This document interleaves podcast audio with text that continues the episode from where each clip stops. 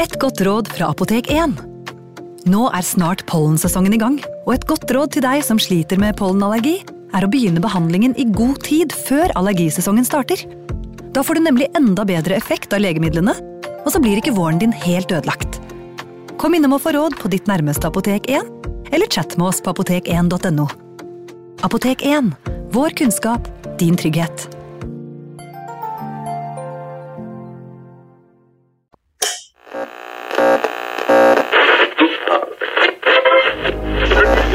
Vi skal gjenta særmeldingen i dag.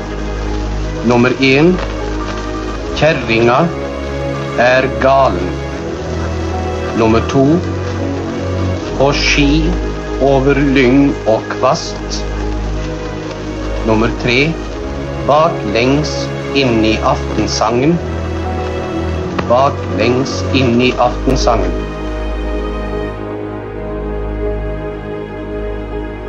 For første gang så skal vi reise til eh, Sverige, Eirik. Mm. Vi skal til Stockholm. 29. juli, det er en lørdag, 1944 da. Mm. Og det er eh, i den altså finere delen, eh, et fint strøk, Østermalm i Stockholm. Ja. Og hva er der? Nei, dette er jo en av Altså, i Skjeppargatan 32 så ligger jo da mm, en Altså det norske militærkontoret. Og eh, politistaben da ved, ved den norske legasjonen i, i Stockholm de, altså Legasjonen hadde kontorer i og for seg spredd over hele byen, men, eh, men flere av dem lå da i, eh, i Skjeppargatan 32, som i Østermalm, da. Legasjonen, det norske legasjonen er mye snakk om under krigen, men er det noe annet? Ambassade, hva er egentlig forskjellen på legasjon og ambassade? Har du oversikt der, eller? Nei, det var jo i og for seg norske eksilmyndigheters representasjonskontorer og avdelinger og bygninger som man forsøkte å drifte Norge fra. Eh, Så det er jo kanskje en grei beskrivelse av det. Der var det i hvert fall en del nordmenn som var litt til og fra Norge og Sverige, motstandsfolk blant annet. Ja. Um, vi kommer til noen av dem, men nå, denne dagen så er det en um, svensk type da, som heter Claes Bertil Vareholm, Ja. som ringer på døra. Han er 24 år fra Stockholm, øh, og han er på jakt etter en person. Ja, han, han, um, han får da kontakt med vakten uh, i, i Skjøpberggatan uh, 32, så spør hva han vil, og han, han spør da et flere nordmenn, men en av dem han, eh, vil snakke med, er en som heter Knut Løfsnes. Det er jo da en, eh, en nordmann som jobber da ved, ved det norske militærkontorets avdeling 2. Dette er jo da eh, avdelingen som har eh, ansvaret annet for norsk eh, etterretningsvirksomhet. Så denne Knut Løfsnes han er i og for seg også leder for den norske etterretningsorganisasjonen EXU, det ble den kalt, og det den drev med i Midt-Norge. Ja, Trondheim og rundt der, ja. Ja. Um, han får negativt uh, svar til Løfsnes da, Ja. eller om angående Løfsnes. Han er ikke her, sier de. ja. Og det som da skjer, er at um, Warholm sier at eh, da vil han, uh, vil han gå, og i og for seg går ut av bygningen, eller forsøker å komme seg ut av bygningen. Og han kommer ut til, um, til ytre vakta. Men der møter Warholm um, to norske motstandsfolk som han, uh, han kjenner fra før. Ja. Og de to, det er Arthur Henry Pevik. Han er 28 år. I og for seg opprinnelig eh, født i, i eh, Portland i Oregon i USA, men eh, er vokst opp i Trondheim. Den andre er eh, Odd Sørli, også han kom fra Trondheim. Han er litt eldre, eh, 32 år. Begge er fra Kompani Linge. Ja, og det har vært veldig sentrale da i motstandsarbeid eh, i Trøndelag. De eh, har ventet på det kan det virke som. Det er ikke helt tilfeldig at de dukker opp her nå. Nei, de kommer veldig sånn uh, beleilig på han, og eh, nå sier de til uh, Warholm at eh, du får ikke lov til å gå fra bygningen, altså du går ikke herfra, vi skal snakke med deg. Bærer han nærmest med seg? Ja, eller de tar ham med seg eh, opp trappene, eh, er det i og for seg slik det blir beskrevet Ja. da, så, så helt konkret hva det ligger eh, i den beskrivelsen, er litt sånn uklart, men, men Warholm har ikke lyst til å være med. Nei, så man, de tar han med. Han blir nok geleidet opp trappene og inn da på et kontor, det er vel kanskje greit å, å si. Inn på et kontor, ja. Og eh, hvordan kjente disse Pevik, Sørli og Warholm eh, hverandre fra før av? Altså, de tre kjenner hverandre fra før, fordi Warholm, han, eh, altså det er jo en historie med han da, ikke sant? Han hadde gått inn i det svenske flyvåpenet i 1938.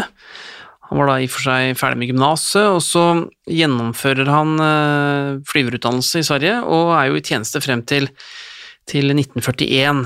Da har han i og for seg en fenriksgrad, altså en eh, ja, lavere offisersgrad. Da. Det han da finner ut, er at han vil gå i tjeneste for det britiske flyvåpenet, og, og delta aktivt i krigen mot Tyskland. Og det var han ikke alene om, altså mange svensker gjorde det, og, seg, ikke, og ikke minst mange nordmenn. Ja. Så det han da gjør, er at han tar kontakt med den britiske legasjonen i Stockholm, og får der beskjed om at han må komme seg over til Storbritannia på en eller annen måte, hvis han vil virkelig gå i aktiv krigstjeneste eh, for eh, britene. Og det han får råd om videre, er at eh, den enkleste måten å gjøre det på, er å komme seg inn i Norge fra Sverige, og derfra ta da sjøveien over til de britiske øyer. Hvis det høres så bakvendt ut, fordi eh, vanligvis var det nordmenn som rømte til England via Sverige. Ja, og her var det jo da i og for seg motsatt ved at man da rådet han til å bruke sjøveien. Ja. Eh, og det kan jo også være at det var jo Altså, båter gikk jo, jo jevnlig, det gikk også fly, men, øh, men øh, det var nok, kan, kan nok ha vært vanskelig å komme seg på fly for han da, eller Ja. i hvert fall det som øh, britene rådet han til å gjøre. Kom deg til Norge, som er okkupert, så vær hold lav eh, profil. Kom deg over på en av disse illegale smuglerrutene, eller transportrutene over. Ja, Shetlandsgjengen for eksempel. Ja. Ja. Og det var, det var den løsningen han valgte. Så han, eh, han kommer da, altså Claes eh, Bertil Warholm, kommer da i kontakt da med Odd Sørli og, eh, og Arthur Henry Pevik, og det blir da bestemt at de skal få ham over til Norge. Ja, for de møter han i Sverige. Ja, ja. Og det blir bestemt at de skal få ham over til Norge, og mm, 19. april da, 1941 så drar de fra Stockholm, og eh, Warholm følger da med de to nordmennene til eh, Østersund, og derfra over til Norge da, og inn i Trondheim. Um, Og da er de allerede motstandsfolk, så de har kontakter videre. ja, og de stoler jo på han eh, Claes Bertil Warholm da. De gir ham eh, ja, tilgang til eh, informasjon, de lar ham få møte kontaktene sine, og i løpet av eh, denne våren da, så får uh, Warholm god oversikt over det illegale miljøet i Midt-Norge. eh, gjennom da at eh, i og for seg Pevik og, og Sørli åpner dørene og gir ham tilgang. Mm. Men så kommer de seg ikke over til um, Storbritannia. Nei, det stopper opp, og uh, Warholm han drar da tilbake til Sverige. Eh, det gjør han i og for seg sammen med en del andre nordmenn også. Det gir ikke opp håp om å komme seg til England. Nei, men eh, det som skjer etter at de har kommet til Sverige, er at eh, en av de andre nordmennene, en som het Ivar Tronsmo, han blir faktisk arrestert av svensk politi og, dømt til to måneders fengsel pga. Såkalt spionasje. Og han hadde også vært aktiv i motstandsarbeidet i, i Trondheim. Helt hvordan eh, svensk politi ble tipset eller fikk informasjon om om Tronsmo, det fremstår litt uklart, men eh, her vekkes kanskje en liten mistanke mot at Warholm har vært involvert på et vis. Riktig, ja. Men han drar i hvert fall tilbake til Trondheim i juli 41 for å gjøre et nytt forsøk på å komme seg over til England, da. Ja, ja. Og um, nå hadde han vært i kontakt med den norske legasjonen i Stockholm, og um, her kom han også i kontakt da med, med personer som uh, var tilknytta motstandsvirksomheten i Trondheim, og de hjalp han videre med å organisere nok en et forsøk da, på å komme seg over, uh, over Nordsjøen uh, til Storbritannia, og de hjelper ham med, med å holde, eller finne skjulesteder i Namsos, Ja, Eh, mens han venter. ja, han venter da på å komme seg om, uh, bord på en båt. Eh, det som skjer samtidig, som ingen er klar over, er at Claes Bertil Warholm, han, han fører et register på dette tidspunktet over alle personer han møter som er tilknyttet det norske motstandsmiljøet. Så han sitter faktisk da og og registrerer eh, og lager seg eh, ja, kall det en, Et arkiv? En, ja, et arkiv, en liste over personer som nok ville vært interessante for okkupasjonsmyndighetene å få tak i. Hvorfor han gjorde det, vet vi liksom ikke 100 Nei, men allerede her så er det jo en del signaler som tyder på at Warholm, han eh, Han gjør iallfall en del handlinger som vekker mistanke. Ja. Og som gjør at han kan senere få problemer hvis en slik liste blir funnet. Det er tatt bilde av han når han er i Norge. Han står sammen med tre andre karer. Du har bilde i boka di. Hvor han står med noen sånn veldig løse bukser, som sikkert var vanlig på den tiden. Og noe, en, en sånn krøllete hår. Ja, men helt vanlig gutt. Vanskelig å si noe om personligheten hans. Ja, det, men han er en flott ung, flott ung mann. ja, med litt sånn krøllete sleik, krøllete sveis. Som står sammen med fire andre gutter, tre andre gutter. Ser ut som de står ute på landet et eller annet sted. koser Ja, seg. og står og koser seg med en hver sin sigarett. Ja. Han kom seg over til Storbritannia. Ja, han kommer eh, dit um, Eller han ankommer Shetland 25. august 1941, og eh, allerede dagen etter så er han på plass i London. Der eh, kommer han seg til hovedkvarteret til de britiske spesialstyrkene. Special Operations Executive, altså SOE-styrkene, og sier der at han ønsker å verve seg til britisk tjeneste.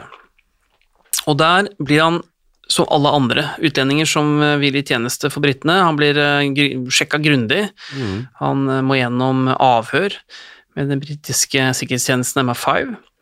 Og der gjør han også litt merkelige ting, for i de samtalene som han har med, med britene og britiske etterretningsmannskaper og offiserer, så oppgir han identiteten til flere personer i Trøndelag som uh, var tilknyttet Milorg, og Varon forteller også det. Dette er motstandsfolk i Norge. Og flere briter eh, i da dette SOE-miljøet de, de mener at det er noe mistenkelig med han. Altså, for det første har han veldig god oversikt, og for andre så, så, um, så er, er, er, det, er det noe som gjør at de, eh, de fatter mistanke til at det er noe som ikke er som det skal. Men alle opplysningene han gir, blir, eh, blir eh, dobbeltsjekket, og um, det er jo ingen som i og for seg finner ut eller finner noe som bekrefter at han kommer med, med løgn, at han snakker usant. Altså, det er bare en mer sånn følelse enn noe konkret. Ja. Ja, altså en følelse, men det kom heller ingen uh, indikasjon på at han var uh, dobbeltagent eller i, i tysk tjeneste, men, men, uh, men, men noe er det. Men, men allikevel så blir han uh, tatt opp uh, og, i, i britisk tjeneste og får lov til da å, å starte på opplæringen sin i januar 1942 i, uh, i de britiske spesialstyrkene, og målet er jo da å utdanne han til å bli, bli agent.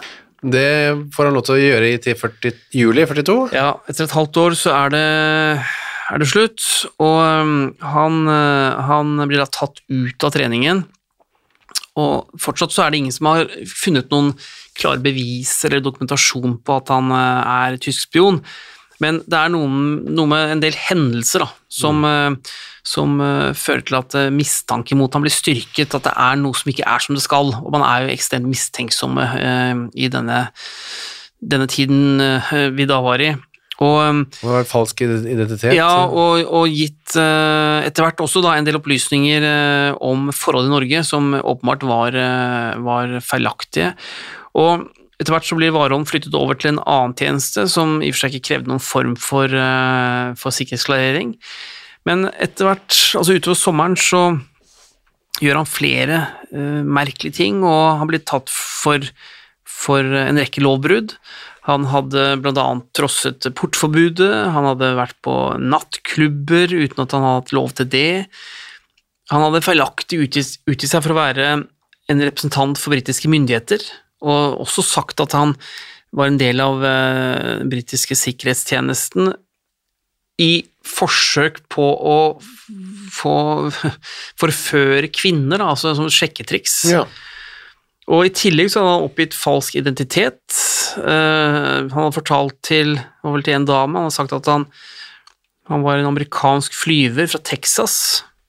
Og så hadde han også um, tatt opp noen lån han ikke hadde betalt tilbake.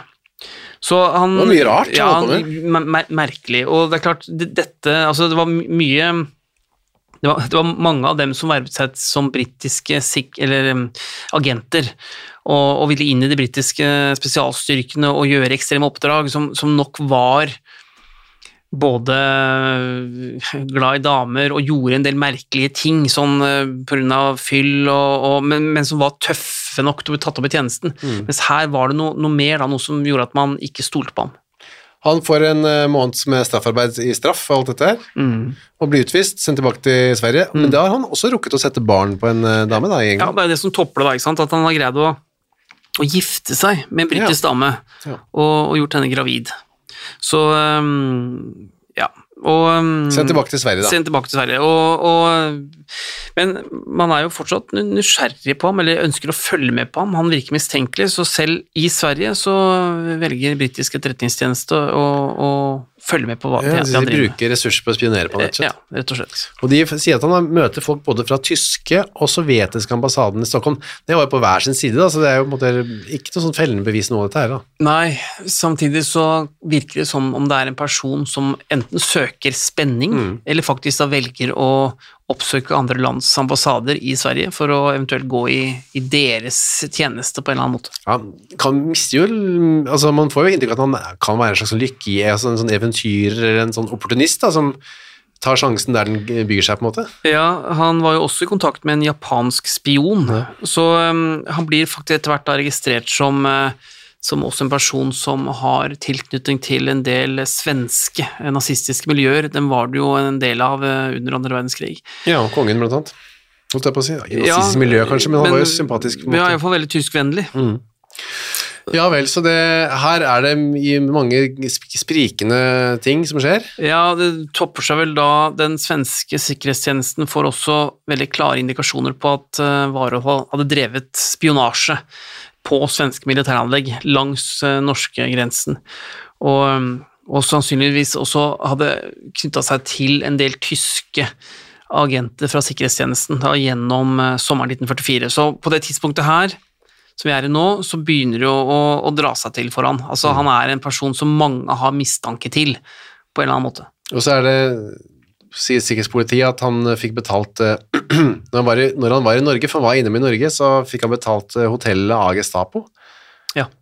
Og det var i og for seg noe som av og til skjedde, men selvfølgelig en klar indikasjon på at den personen som det gjaldt, og her var, var om, da, hadde en eller annen form for samarbeid, eller var støttet av den tyske sikkerhetstjenesten. I tillegg var det noen han hadde hatt kontakt med fra motstandsbevegelsen som ble arrestert da, Ja. i den perioden. Og, og det man da eh, fra norsk side, eller fra motstandsbevegelsens side, eh, antok, var at det var en sammenheng mellom Warholms opphold i Norge, pengene han eventuelt fikk fra Gestapo, og det at eh, eh, nordmenn ble arrestert, Arrestert, ved at uh, Warholm ga fra seg informasjon om de kontaktene sine. Så det var mye mistanker som svevde gjennom lufta. Indisier, eh, ikke noe sånn eh, fellende bevis, men man eh, hadde sterke mistanker mot ham. Og så er det da fredag 28. juli 1944, dagen før denne lørdagen vi begynte med, Mm, en restaurant i Stockholm, der sitter da denne Arthur Henry Pevik da. Ja, han er på restaurant i Stockholm, og um, det han ser ved et annet bord, er sammen med to nordmenn som han kjenner til, så ser han også da Claes Bertil Warholm. Og på dette tidspunktet må vi da anta at Arthur Henry Pevik kjenner til eh, mistankene som nå er da mot eh, Warholm. Ja, for da går Warholm skal på do eller et eller annet, så da tar Pevik kontakt med en av disse nordmennene som Warholm sitter sammen med. Ja, og vi vet ikke helt hva som skjer i den uh, samtalen, men det som uh, Pevik da sier til den andre nordmannen han kjenner, er at uh, han skal be Warholm om å komme da til det norske legasjonen dagen etter, og ha et møte med, med lederen for det norske militærkontoret der. Ja. Så eh, senere snakker Pevik med disse eh, på legasjonen og sier at eh, dere må ikke ta bilde av Warholm. Ja, og dette indikerer jo at det som skjer videre er noe planlagt, men det er klart bestemmelsen eller avgjørelsen om å ikke fotografere Warholm det han kommer til eh, legasjonen, tyder på at han ønsket at det ikke skulle være noen beviser for at han hadde vært der. Ja, for det pleide man å gjøre, registrere alle som kom. Ja. Ja, så da er det dagen etter. Vi får tro den nordmannen var overbevisende og sa du må dukke opp i legasjonen. Det gjør Warholm dagen etter, denne lørdagskvelden. Pevik og Sørli dukker opp, eh, og tvinger han da med inn på dette kontoret oppe i annen etasje der. Og hva har de bestemt seg for der? Ja, altså Det de vil, eller det de ønsker, er eh, etter å ha lurt av Warholm til å komme til legasjonsbygningen i Skjøberggata 32. Det er jo da at de skal, som de forklarte senere, de skal sette Warholm i et slags avhør om gjøren og laden, som de forklarte det. Altså, de skal finne ut da eventuelt hva han driver med, hvem han jobber for, og hva han har gitt fra seg av informasjon til det tyske sikkerhetspolitiet, og om han eventuelt er en angiver. Ja. Og det de har blitt enige om på, for, for, på forhånd, de to nordmennene, det er jo altså at de skal dope ned Warholm etter han er blitt avhørt. Og så skal de ta han med seg i en bil ut i skogen, eller ut av byen i hvert fall, og så skyte han der. ja, så de har tenkt å Det er det som kommer frem i dokumentasjonen, at Pevik og Sørli er blitt enige om at han skal likvideres. Ja, utenfor byen et eller annet sted. Ja, så, så ut fra dokumentasjonen, og, men her er det nok noe enighet, men, eh, men eh, dokumentasjonen er ganske tydelig på at eh, det er blitt bestemt at han skal likvideres, men at det skal skje på en kontrollert måte utenfor legasjonsbygningen. Bestemt av Pevik og Sørli. Ja, det ser sånn, eh, ser sånn ut at de Altså at dette ikke var kjent høyere opp eh, i, i systemet. Men eh, så det går det ikke helt etter planen, da. Det blir en, skal vi si, en opphetet stemning inne på dette kontoret. Ja, det er beskrevet som en opphetet diskusjon, og det som vi vet om det som foregikk der inne, det er at Pevik, da, Arthur Henry Pevik, kan ta frem en pistol, Mm. Og så avfyrer han to skudd eh, direkte mot Warholm på veldig kloss hold. Og Warholm blir truffet i brystet, eh, midt i hjerteregionen, og det skuddet er eh, dødelig. Han detter om på gulvet, og han er død nærmest umiddelbart. Dette var jo ikke vanlig prosedyre. Nei, og det er jo her noe har skjedd inne på det kontoret som man ikke kjenner detaljene til. Men i rapporten som ble skrevet da, av, eh, av eh, andre som var i, eh, i bygningen den kvelden der, det er jo at de hørte to smell, og at det kom inne da fra, fra, fra dette kontoret, og at det var en del bråk ute i gangen like før disse skuddene. Ja, når de tvang han med seg inn på kontoret der. Ja. Ok, hva skjer så? Nei, altså i, eh, i rapporten da, som er, er skrevet av uh, Aksel uh, Baumann, som var da leder for dette militærkontoret, så Han kommer til stedet. ja, han kommer, han, han er i, i bygningen og Ja. får med seg mye av det som skjer etterpå. Han skriver at um, han skriver at uh, PVK og Sølli de kommer med en, en, en, en, en kasse som da de finner inne i legasjonsbygningen, og så legger de liket oppi den kassen. Og så bærer han ut, ut av bygningen og, og, og inn i en bil, som da kjører ut av byen. Og eh, I rapporten står det at uh, Warholm da blir, blir gravd ned i en, i en myr. Um, ifølge den rapporten da, som Baumann skriver, så, så ja, han, han, han bebreider Pevik for at han hadde skutt og drept Warholm inne på kontoret, for det, det var ikke planlagt. Nei, det var ikke sånn det skulle være. Nei.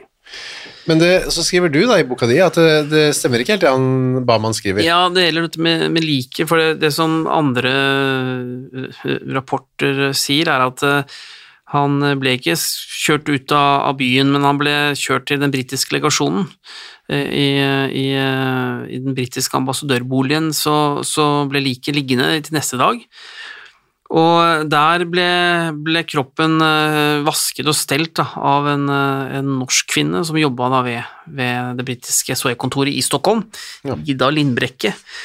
Og det gjorde de for å i og for seg ha en form for respekt da, for, eh, for den døde. I tillegg så ble det vel også indikert at eh, det ikke var noen kasse som eh, befant seg inne i den norske legasjonsbygningen, men da eh, mer sannsynlig et, et teppe, og at Warholms lik da ble surret inn i dette teppet og båret eh, inn i bilen, og så kjørt da til, eh, til den britiske legasjonen. Men død var han, og begravet var han i en myr. Det er vi liksom ganske sikre på, da. Ja, eller, ja og uh, iallfall dumpa ute et eller annet sted. Utafor Stockholm. Ja. Ok, så da ble det mandag, og man syns vel ikke dette var helt greit. Nei, det er klart at det er, jo, det, er jo, det er jo krise at en sånn hendelse skjer inne eh, i den norske legasjons... Eller en av de norske legasjonsbygningene midt i Stockholm. Ja, for det er en svensk statsborger som blir lokket inn i norske området, og så drept der. Ja, og denne var jo, dette var en likvidasjon som ikke var godkjent, verken av norske myndigheter eller, eh, eller ledelsen i, i Milorg. Nei, så da var det ok, vi må få Pevik eh, vekk herfra. Han ble sendt vekk. Han ble sendt bort fra Stockholm, og det skjedde i og for seg veldig, eh, veldig raskt, eh, allerede altså da mandag 31. juli. Ja, Han fikk to dager på seg til å pakke sakene. Ja, men ryktene spredde seg jo, og, og skapte en del, en del uro. Og det, og det som man var mest bekymra for, var jo det man faktisk da visste, at Warholm hadde fortalt en del i sin eh, omgangskrets at han skulle eh, besøke nordmennene eh, denne lørdagskvelden Ja. i legasjonsbygningen i Islebøgata 32. Så som man antok, da, så var det kun et spørsmål om tid før noen kom til å spørre hvor var det blitt av Warholm. Og um, man var også i og for seg bekymra for om noen da hadde sett ham gå inn i legasjonsbygningen og, og, og ikke kommet ut igjen. Han var- var ikke så interessert i å ødelegge forholdet til Sverige, antagelig, som han var tross alt eh, på besøk hos, da. Nei, altså, selv om det skulle vise seg da at uh, Claes Bertil Warholm var i tysk tjeneste og var en angiver, så antok man fra norsk side at det kom til å vekke ganske kraftige reaksjoner hvis saken ble kjent for svenske myndigheter i sin fulle bredde. Da. Og det er det at man hadde lurt med seg en svensk statsborger inn da i en annen lands eh, ambassade da, eller, eller legasjonsbygning, og deretter forsøkte å avgjøre, avhøre ham, og så skyte ham og drepe ham, så kom det til å skape reaksjoner uansett. Eh, selv, om, eh, selv om det var krig og man kunne få en viss forståelse for at Warholm da var farlig for norsk motstandsarbeid, så, så ville klart dette bli spetakkel, var det man antok. Han ble meldt savnet eh, 21. september, altså det var jo da nesten to måneder senere. Ja, ja, ja, vi kan også ta med da at uh, denne likvidasjonen ble også utført da i, uh, i lokaler som var leid av norske eksilregjeringen, Ja. og som i og for seg hadde diplomatisk beskyttelse. Så det kunne jo selvfølgelig gjøre situasjonen enda mer komplisert. Han ble mer savnet 21., men så drøyde det og varte før man uh, fant ut av det. Det tok jo ikke De fant Sverige, altså svenskene fant ikke ut av det før lenge etter at krigen var slutt. Nei, altså Så sent som 11. september 1952 så ble han jo etterlyst. Igjen? Denne, eh, ja, igjen. Denne Ja. Claes Bertil Warholm. Og, mm, men i og for seg det kom ikke noe, eh, noe klart svar da heller. Så nordmennene holdt bare helt tyst om hva, hva det, som hadde skjedd. Ja, og levningen etter ham har aldri blitt funnet. Og Men har aldri, han har aldri blitt begravet ordentlig. Han. Nei. Og så har det vært noen spekulasjoner om det var en misforståelse, om det egentlig var en annen som skulle likvideres og, og alt det her, men, men um, Altså, de tok feil, at de så øh, Ja, men at, eh, ja, og at det var en misforståelse, og at det var en annen som skulle tas livet av i stedet, men, eh, men det har man heller ikke kommet til bunns i, så dette her blir stående som en eh, likvidasjon med en del eh, ubesvarte svar. Med noe alkohol inn i bildet, var det det? Det har vært snakk om det også. Ja, altså det som, eh, det som eh, det ble skrevet eh, rapporter om, er jo det som skjer i dagene eh, etter likvideringen, hvor eh, Arthur Henrik Pevik da ble satt til å pakke sakene sine for å dra hjem til Norge.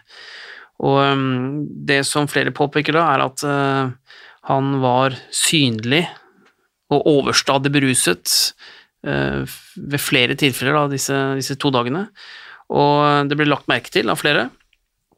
Og Så det tyder på at han også fikk en form for en reaksjon da, etter denne hendelsen hvor, hvor Warholm ble likvidert, men det er eh, ikke enkelt å komme helt til bunns i hva som egentlig skjedde her, og hva som var årsaken til det.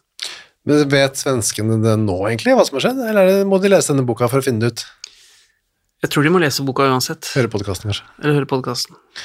For, for det er jo Nå er det liksom offentlig. Nå er det offentlig. Uh, har det kommet noen reaksjoner, vet du det?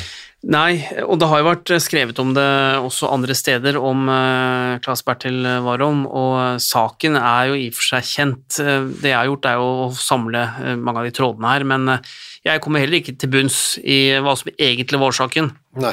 annet enn at det virker sannsynlig da at han har Eller noen vil si at det er trolig sannsynlig at han eh, var angiver, Men eh, jeg har ikke kommet over noen tydelig og klar dokumentasjon på, på akkurat det.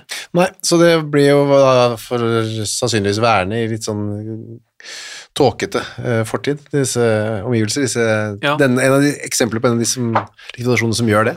Dette er en av de likvidasjonene ja, som, som vi neppe noen gang får fulle svar på.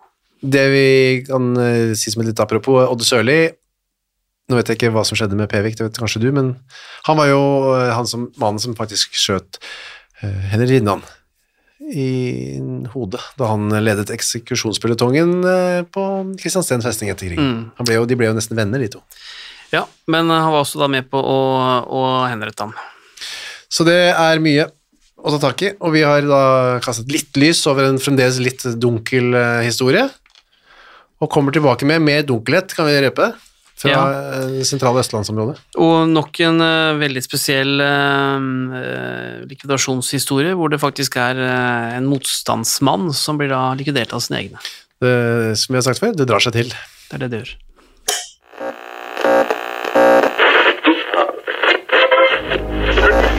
Vi skal gjenta særmeldingen i dag. Nummer én Kjerringa er galen. Nummer to På ski over lyng og kvast. Nummer tre Baklengs inn i aftensangen. Baklengs inn i aftensangen.